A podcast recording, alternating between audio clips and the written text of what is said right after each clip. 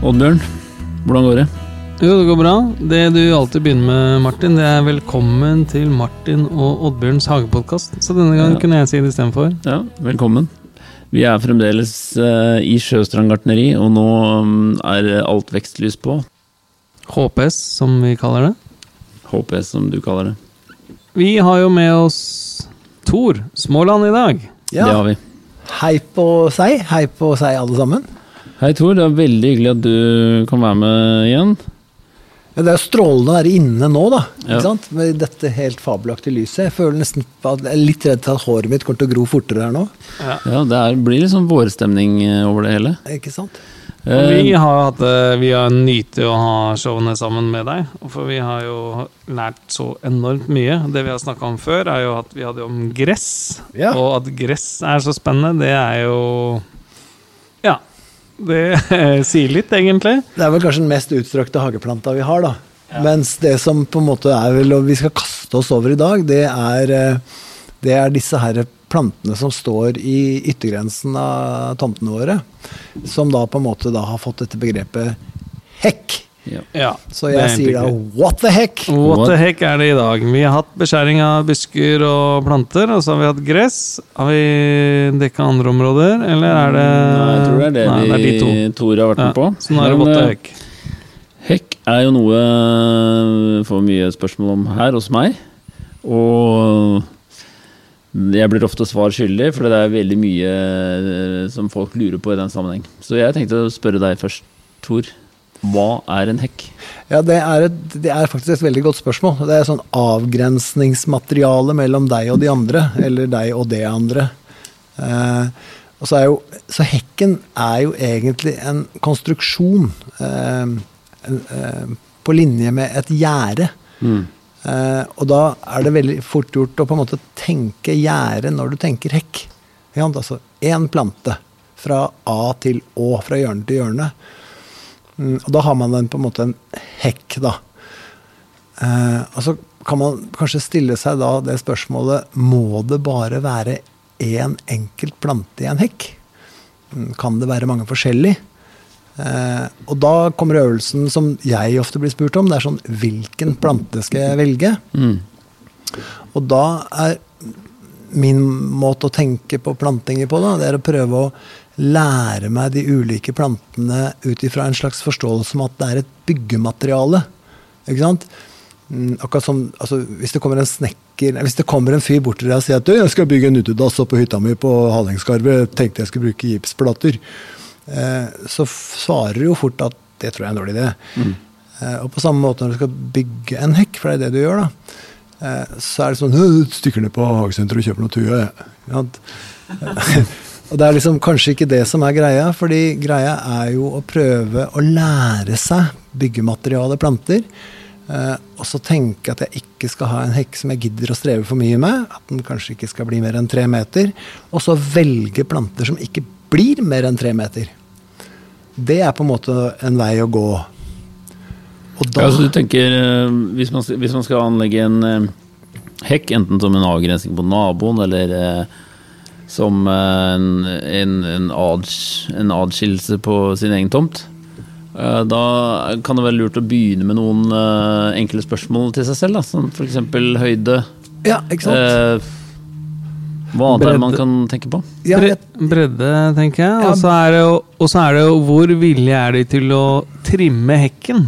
ja, det er sånn Alt som har med hage å gjøre, handler om å se deg sjøl i speilet og spørre deg sjæl Hvor mye tid har jeg egentlig? Nettopp. Har du båt og hytte og dødt og dødt, dødt, dødt, så kanskje ikke du har all den tiden. Mm. Og da gjelder det å finne det byggematerialet i planteverden som på en måte passer til den tiden du har, og hva du gidder. Mm. Og så tenker jeg at, at det som kan være lurt, da, det er å tenke at kanskje den hekken kan blomstre i juni. eh, Og kanskje den faktisk også kan blomstre i september. Og kanskje den kan ha litt kule høstfarger, og kanskje den osv. Ser du? Mm. Og dermed så kan du se for deg La oss si hvis vi tar en ja, vi tar en 15 meter lang hekk. Mm. Eh, snittavstand på hekkplanter er normalt tre på meteren. Sånn stort sett, da. Ja, Eh, Under forutsetning at du ikke går og kjøper sånn 10 for 69,90, da. Ja. Ikke sant? Altså 7 kroner planta, som du ender med å da få en hekk når du er 140 år gammel. Det blir litt teit. Så det er bedre å kjøpe altså, Dropp de her hekkplantene og kjøp buskplanter istedenfor som det er litt size på. Mm. Og så kan du velge da kanskje Hvis det er 45 planter da, på 15 meter, ja, kanskje du skal velge fire forskjellige. Sant? Ingen av de blir mer enn tre meter.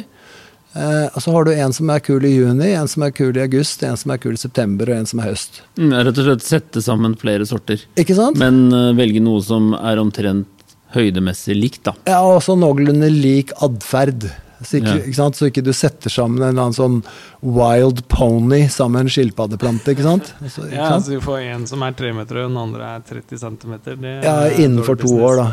Men så har, hvis du tenker den tanken, da. Fire Ja. forskjellige planter. Eh, hva ble det for noe?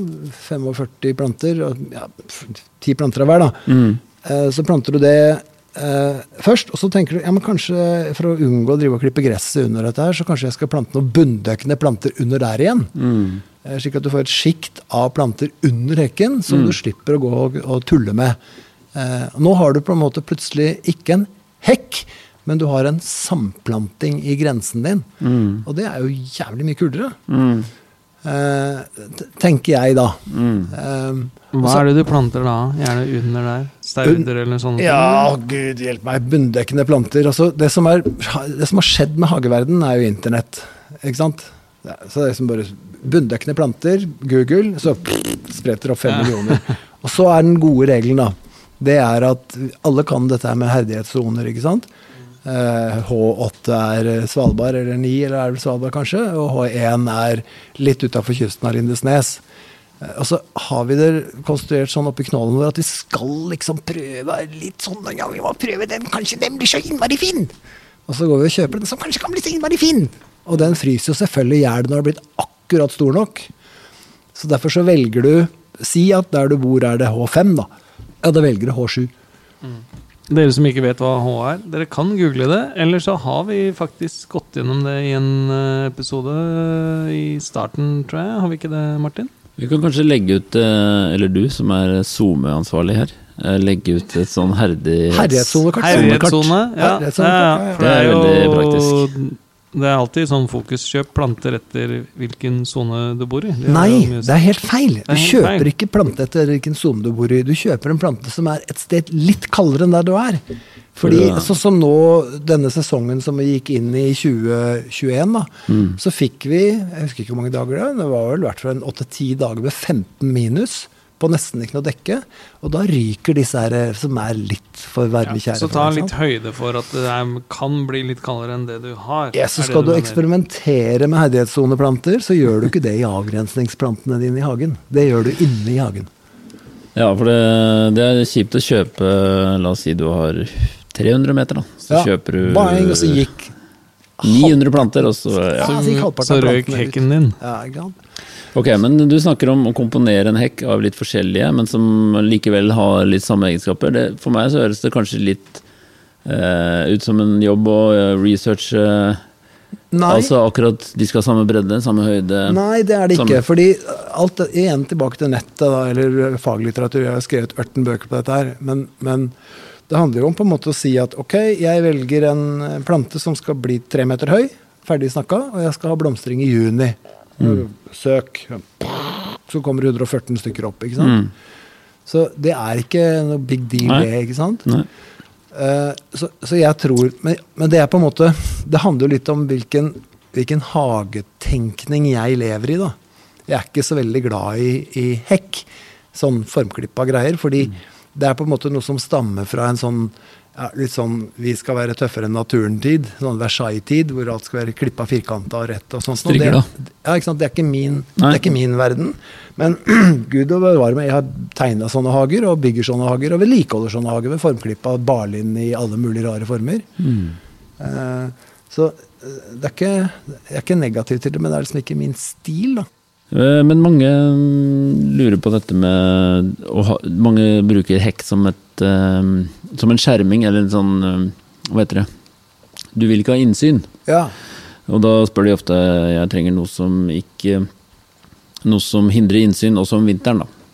Ja. Eh, og det det, er, det er det man kaller vintergrønt, er det ikke det? Jo, og, det, og da liksom popper det opp i huet på 99 av 100 mennesker, så popper jo tuja opp Tuja, med det- en gang. og det, det er sånn, blitt sånn vandrehistorie, det hvor jeg på en eller annen direktesendt NRK-sending ble spurt om planteavstand på tuja, og svarte litt trøtt tre, tre kilometer.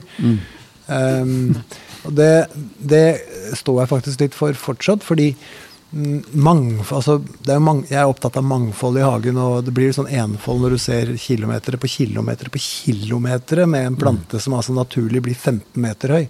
Mm. Ikke sant? Altså Tuya occidentalis blir 15 meter høy naturlig, og det er ikke en spesielt godt egna hekkplante i et nabolag hvis ikke du er veldig på den. da. Du må være på den hele tiden. Ja, du må klippe mye. hele tiden.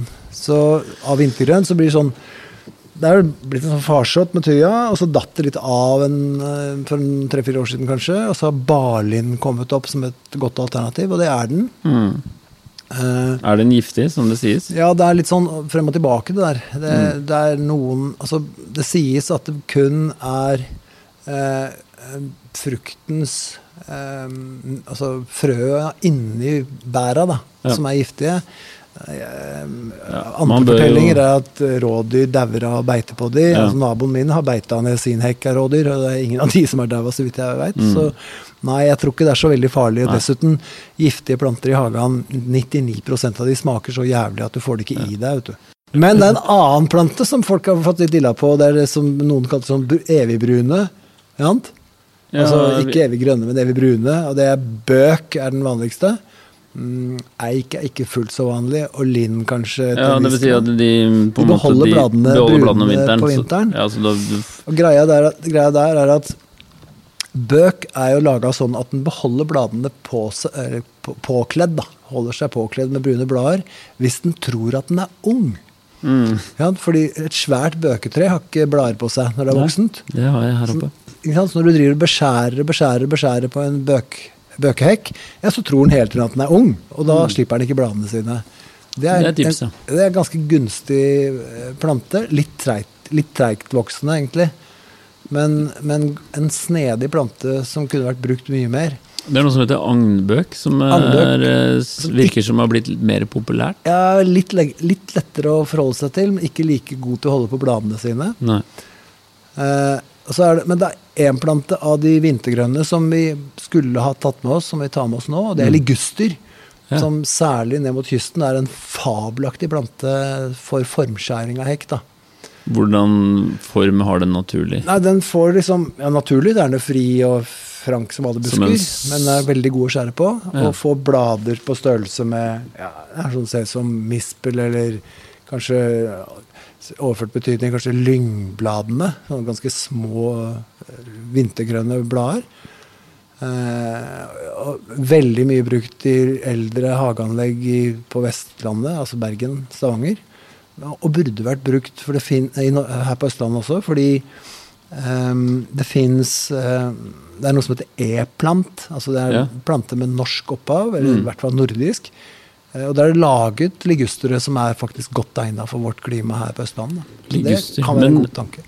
Uh, så er det noe annen vintergrønt som heter sypress, er det ikke det? Jo, sypresser er liksom Det er en danser, altså. Det er litt sånn bjerk. Altså, det, er en, det er en vinddanser. Det er ikke Ja. en hekk. Den blir ikke tett, liksom. Nei, det skal være en danser. Det, Å, sånn. Ikke sant? Det, Men hva med Nå er jeg bare inne i den der Hva er en danser? en danser er, en, er et tre eller en plante som har en naturlig eleganse i, i sin måte å vokse på i vind. Eh, ikke sant? Og Sypressene er typisk sånne ekstremt elegante eh, ballettdansere i vinden. Det å formklippe en, en sypress, eh, opplever jeg, da, eh, er det samme som å formklippe en bjerk. Det er, liksom, det er ikke det den planta er. Men, men hvis vi, mens vi er inne på vintergrønn, altså, nå spør jeg, for det er dum. Gran, Mm. furu, kan man bruke det i hekk, eller? Ja, granhekk var jo veldig veldig vanlig brukt i, i holdt på å si, hageoldtiden. Det er veldig vanskelig å få til å funke, fordi gran spirer dårlig på gammel, gammel ved. Så det er sånn Ja. evigvarende, veldig veldig hyppig beskjæring, men det kan danne fantastiske hekker. altså. Eh, men det er et, det er Men- et ivrig arbeid. Får du tak i det? Nei, du må kjøpe små granplanter da, og sette i gang. Så blir det vel en hekk når du er eh, om 30 år. Masse juletrær. Så ja. Og se om du klarer å få liv i dem. Men eh, jeg tenkte vi skulle også snakke litt om eh, eh, noe av det viktigste med hekk. Beskjæring. La oss ta en prat om det.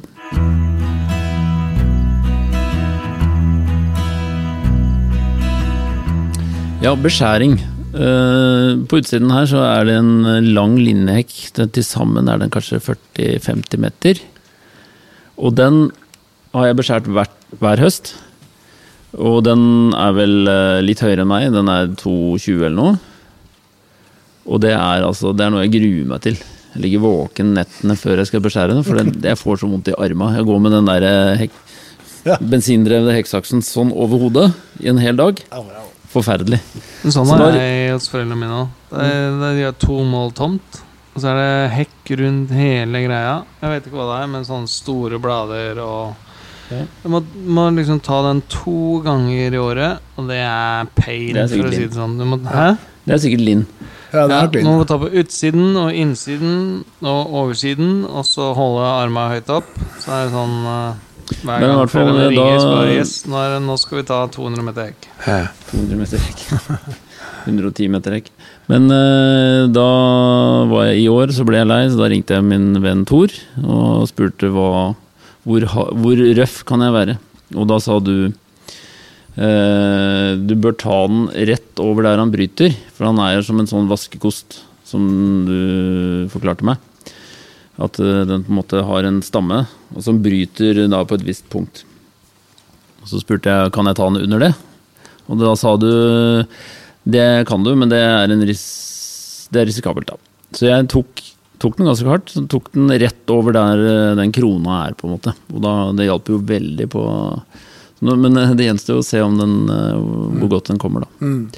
Men eh, la oss snakke litt generelt om beskjæring av hekk. Hva er det som skjer når du eh, tar den første beskjæringen? Etter du har planta en ny hekk? Ja, det, den er jo omdiskutert. Ja. sånn som jeg ser det, så er det sånn du kjøper en hekkplante Altså du kjøper ikke hekkplanter, du kjøper busker. Ja, I hvert fall så lenge du ikke har et, en mansion med 300 måler og sånn. Mens de fleste av oss har jo små hager. Og da kjøper du busker. Koster mer. Men mål den kostnaden opp mot hva kosta fargefjernsynet ditt, eller hva kosta stressless-krakken din, altså. Ja, og hva vil det koste å sette opp et gjerde? Så mm, se litt på den biten først. Og så er det da det, det smertelige, da. Det er når du har planta hekken. Så kommer vi litt tilbake til hvordan du planter den etterpå. Men da kapper du den ned en fjerdedel. En, en fjerdedel. Du reduserer den planta du har satt, med en fjerdedel. Da, hvilket tidspunkt er vi på nå? Er det da et Ja, år det, det spiller egentlig ikke så veldig stor rolle eh, ved, ved, ved førstegangsbeskjæring. Kommer litt an på planta også, men sånn stort sett da, er det Mm. greit å få ned en fjerdedel. Det er for å få stressa planta. Det er jo, alle planter er jo balanse mellom rot og altså under- og overjordisk vekst. Mm. Og når du skjærer den ned en fjerdedel, så stresser du planta til å sette i gang mye mer enn hvis du planter den da uten å skjære den. Så det er en god idé. På et år, da, eller liksom? Det året du planter den. Det året du planter. Når du planter den, så gjør du det. Og så kommer da denne berømte øvelsen som du beskrev med hekken din, eh, Martin. Med, med, med, der, det, du må lære deg to fremmedord. Mhm. Det er viktig å ha. Det ene fremmedordet er apikal dominans. Som handler om at det er den øverste knoppen som alltid vil prøve å komme øverst. Det er alltid den knopp som vil prøve å komme seg til toppen. Alle planter prøver å komme seg så høyt opp som bare mulig. Det er apikal dominans. Så den knapp, knoppen som er under en grein, f.eks., den eh, taper i kampen med knoppen som er over på oversiden av greinen.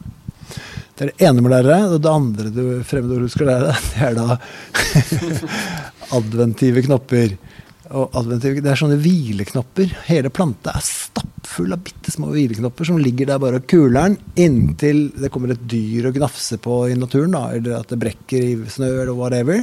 Og da står disse adventive knoppene klare til å skyte ut en, en ny eh, kvist, ikke sant? Ja. Og det er det kosten som du beskriver her ute med linjehekken din. Er en stamme opp, og så er det sånn, sånn oppvaskkost på toppen. Mm sant? Og så Hvis du beskjærer da de 47 som har skåret opp, skutt opp fra stammen, da, ja, da har du 47 avskåret. og Alle de har adventive knopper, og alle har apikal dominans. Så da har du ikke 47, men du har 740. ikke sant? Og så kapper du de igjen, så har du 2865. Skjønner du hva jeg mener? Så greia er at når du beskjærer en hekk, så beskjærer du nedenfra. Tenk deg at du har en, en vanlig hekkplante, så, som oftest er det kanskje en fire-fem greiner. Det er fire-fem greiner som kommer opp fra basis. Eh, og når denne planta vokser seg til, så må du skjære den nede. ikke sant? Så du tar ut greiner helt i bånn, slik at den ne- en av greinene nederst skyter opp apikal dominans fra sine adv- knopper i bunn. Da har du ikke en tynn pinne med kvast på toppen, men du har kanskje tre tynne med kvast på toppen, og så har du to som kommer nedenfra, som også får sin kvast på Og da, toppen. får du en, rett og slett slett tett hekk. tettere hekk. Det er den ene greia. Og så er den andre greia at hekker skal være forma som en A, ikke som en V. Altså brei i bånn og tynn på toppen. Mm. Ja? A, ikke V. A, ikke V, og heller ikke en firkanta U, altså ikke rett. Rette sider. Den skal være breiere i bånn enn på toppen. Hvis Ja, du gjør det motsatt, så blir den naken i bånn. Mm. Som et juletre. For så vidt som et juletre, ja. Det er formen på hekken. Eller en tuja hvor hundene tissa i bånn. Ja, Det er et enda bedre, bedre Så bilde. vi kan godt ta det med urin, og jeg har en lang historie om urin og hunder, også, men det kan vi ta en annen gang. Så det er, liksom, det er hele hemmeligheten. Skjær etter at du har planta. eh, når planta har vokst seg til, eh, gå inn og ta ut én til to kvister fra bunnen av, så at det bare står igjen kanskje 10 cm, så den kan skyte opp. Så du har på en måte Tenk deg at eh, hekkplanta er som deg.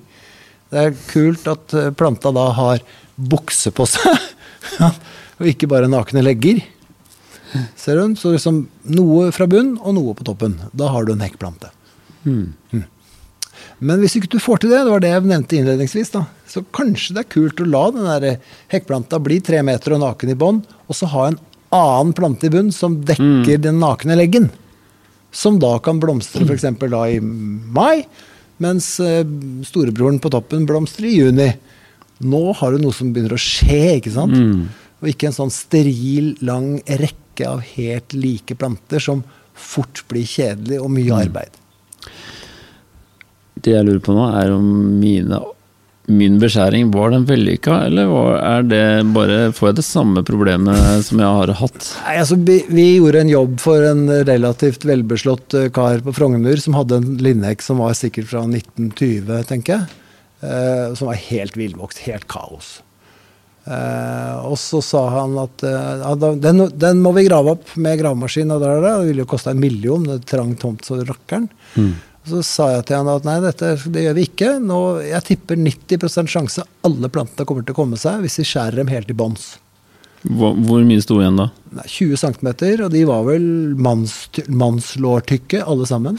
Og de skar dem med motorsag, hele hekken, 120 meter, ned og pælma det på Ja, da sto det altså bare igjen 20 cm Så sto det igjen sånne 20 cm latterlige små stokker. ikke sant? Dette gjorde vi i mai. Eh, I sånn september-oktober så var nyskuddene ut fra denne stammen var sånn ca. 45 000 på hver eneste stamme som stakk opp, og de var blitt 1,20 meter alle sammen. Bortsett fra to planter som daua. Mm. Det var det vi gjetta på også, sånn 90-95 så klarer de seg. Ja, mm. Linn er den planta som danner vegger i Versailles. Altså, Du kan gjøre nesten hva du vil med den. Så det, jeg tror du kunne vært grådigere, eller grovere en- enn det du turte. Mm. I hvert fall på Linn. Ja, nei, men vi ser hvordan det går nå, så neste år så kanskje jeg skal være enda hardere. Ja. Jeg syns vi skulle ta en kort prat om uh, noen sorter som kanskje ikke er så vanlige. La oss gjøre det.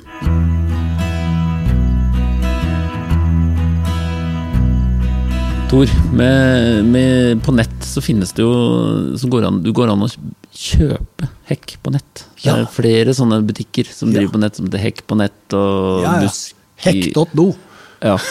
eller hva det heter. Hvor, Så vi skal kjøpe domenet whatheheck.no? ja, Ja, ja. kanskje vi skal gjøre det. Det må du bare bestille med en gang. Men der, poenget mitt er bare at der får du kjøpt de vanligste sortene. Der Ja. får du kjøpt tuja, eh, Barlin, bøk, lin, ja, alt mulig. Når du skal ha 110 meter hekk, da, ja. så er det rimelige alternativer. Men jeg tenkte vi kunne gå inn på kanskje sorter som ikke er så vanlige, som du i hvert fall ikke får kjøpt på sånne steder.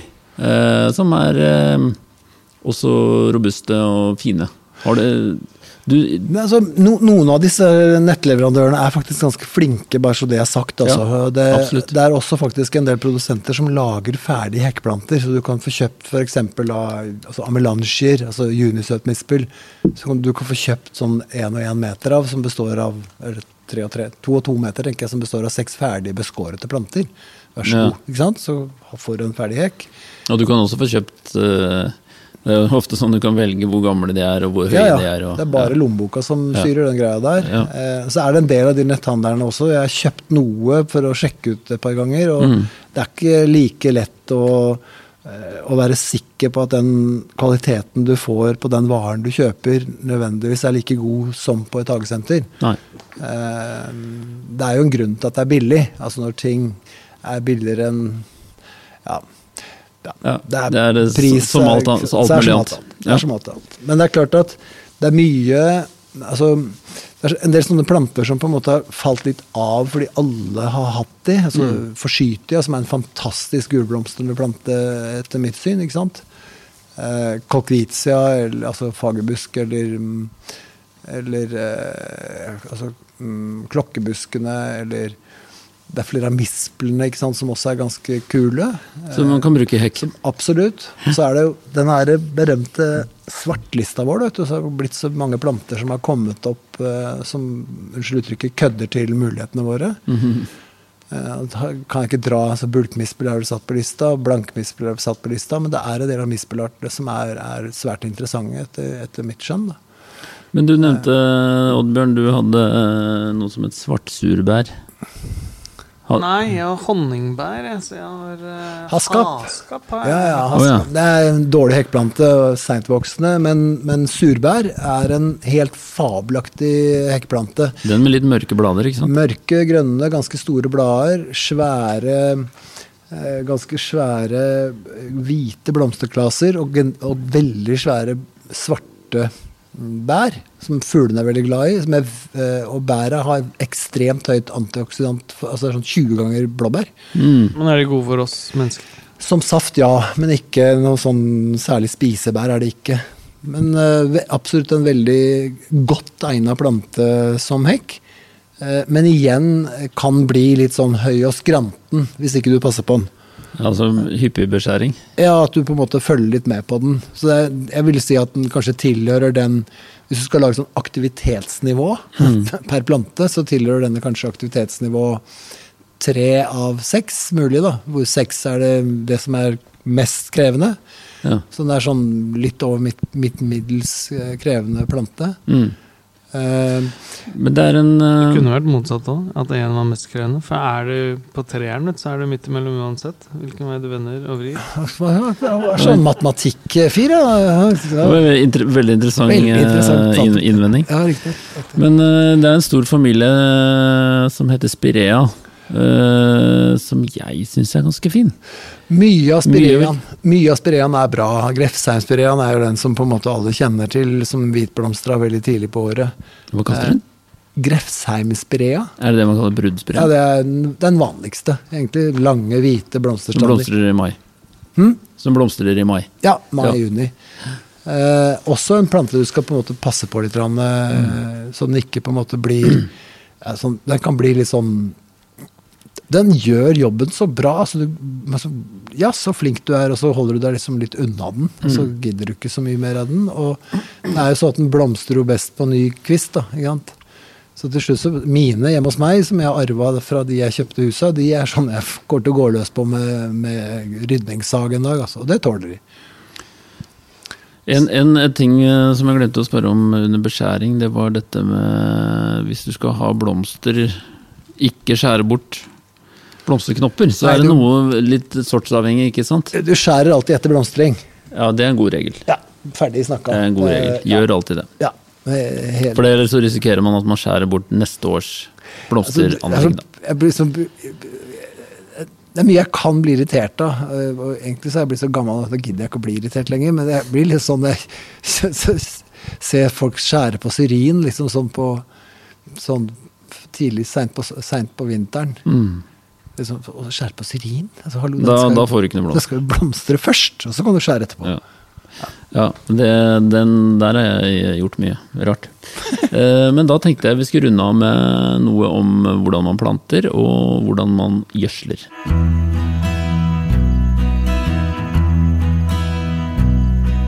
Ok, gutter. Vi runder av med litt om eh, hvordan man planter disse hekkplantene. Og Tor, er det noen generelle ting man kan eh, ta tak i der? Ja, det er jo sånn fine regelen, da. Eh, har kjøpt hekkplanter. Har kjøpt spade. Graver hull, plante, plante. Grave hull, plante, plante. Grave hull, plante, plante. Grave hull, plante, plante. Planta.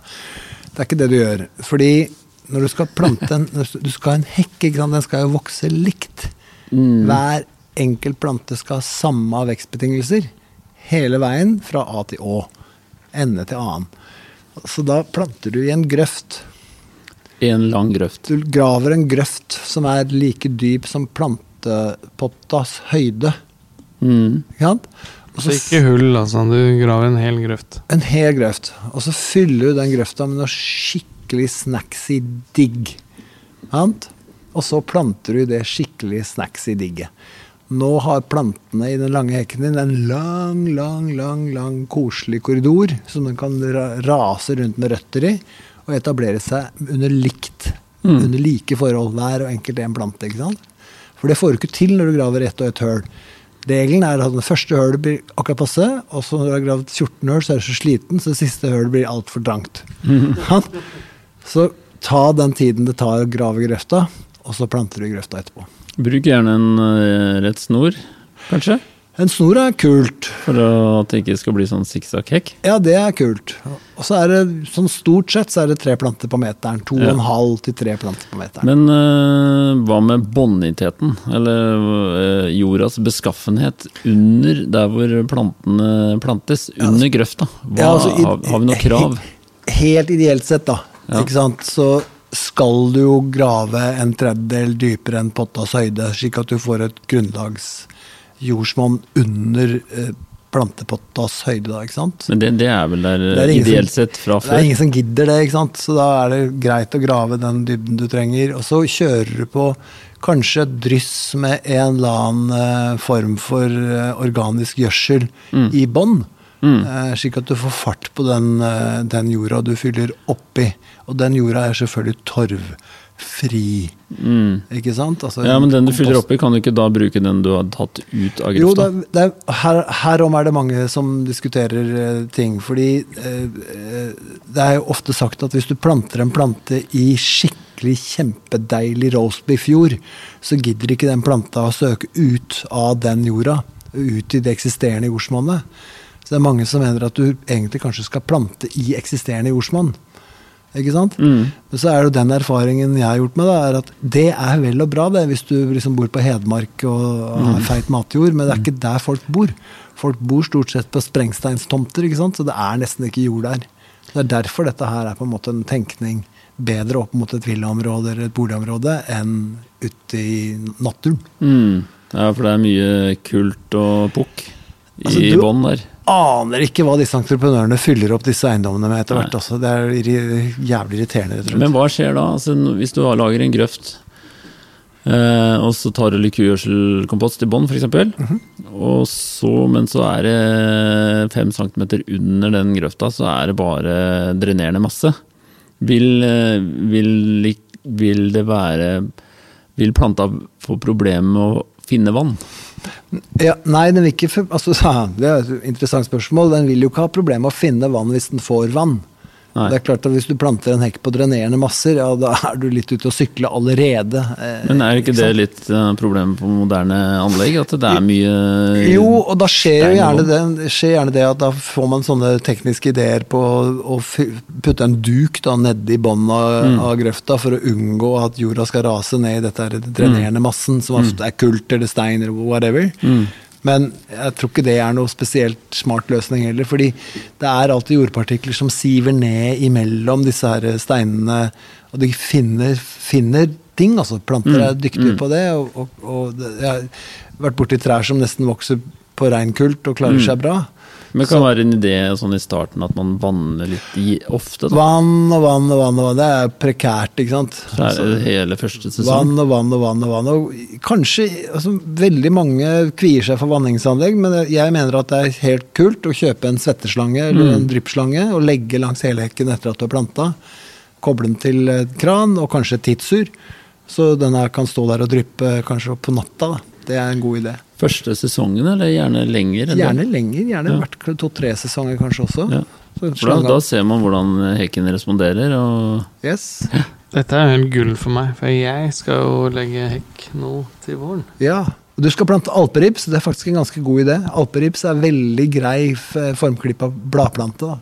Ja, for jeg likte jo den ja, både fordi naboen har den, så da må jeg ha den òg. Nei, det er ikke derfor, men det er fordi at den er jo sånn saktevoksende, så den er veldig lett å holde ved like. Og det er klart, når jeg har eh, holdt på hos foreldra mine med sannsynligvis en sånn lindhekk og klippa den 100 og 110 meter hekk et par-tre ganger i året, så blir du ganske lei. Da tenker jeg da har jeg lyst til å ha en som er saktevoksende, tett, fin, grønn.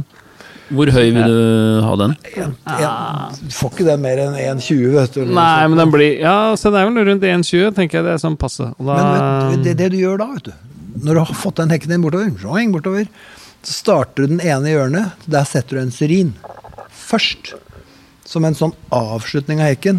Og så kommer det da en, kanskje en fire-fem-seks meter med din alperips. Og så stopper du en gang til, og der setter du en ja, en, en junisøtmispel eller en maho, ma, magnolia eller et eller annet annet for å få brutt den opp. Og så fortsetter du med hekken din igjen, og så fortsetter du slik at du får litt sånn no, noe brudd da, med noe som er annet enn alperib, som egentlig er litt kjedelig. Den er jo bare grønn. ja, ja, det hørtes kult ut. Men sånn, eh, når jeg gjør det nå, har jeg fått veldig mye gode tips på hvordan jeg skal gjøre det. For jeg hadde jo gjort sånn som du sa, gravd høl, og så neste høl og neste høl. Så nå skal jeg ikke gjøre det. Men eh, jeg tenker på bunndekke. Er det sånn at eh, Kan du kjøre det samtidig som du tar hekken? For det rapper ikke næringen. Nei, absolutt ikke. Det det er mye morsomme bunndekkeplanter som fungerer veldig bra både i staudeverden og i altså Hosta er en sånn plante som jeg nevner alltid, som er en fantastisk bunndekkende staude. I alle mulige bladformer. Har du den, Martin? Ja, Martin ja, Bladlilje. Ja, dette burde du det dyrke, jo, dette burde du dyrke i én liter. vet du. Svære, flotte, feite Ja, vi pleier å ha en del hos da. Ja, ja.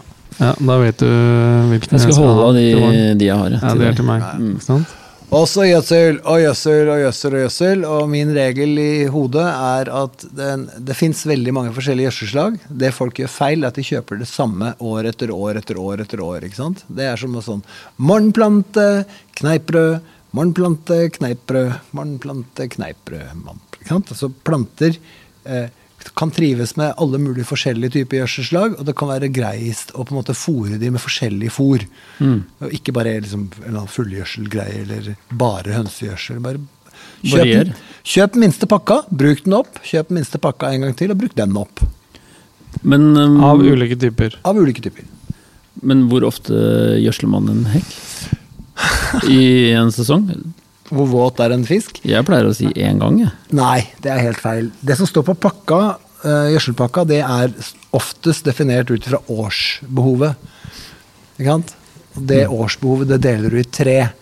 Første gang gjødsling er når det er så tørt i plenen at du kan gå på den uten at det surkler. Andre gangen er eh, sånn altså Da er, liksom, da er planten i vekst, da får du en vannpakke. Andre gangen er sånn ja, litt sånn ut i juni, midt i juni kanskje, i hvert fall her på Østlandet.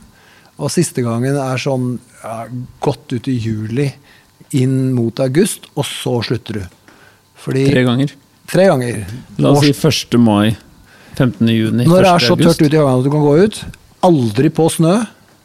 Aldri på Nei, snø. Folk nei. som kalker oppå opp snø, det er så dumt, det er så bortkastet at det går ikke an. Det redder jo bare av igjen. Så, så du gjødsler når du kan gå på plenen, så, ikke så vått at du drukner. og sånn ca. medio juni, da. Tidlig juni. ja. Og så helt til slutten av juli. Fordi plantene de er i altså Alle lignoser, altså vedaktige planter, de begynner å slumre i søvn mye, mye tidligere enn det du tror. Altså Gjerne allerede i august så begynner de å tenke på at nei, fy fader, nå gidder jeg ikke mer.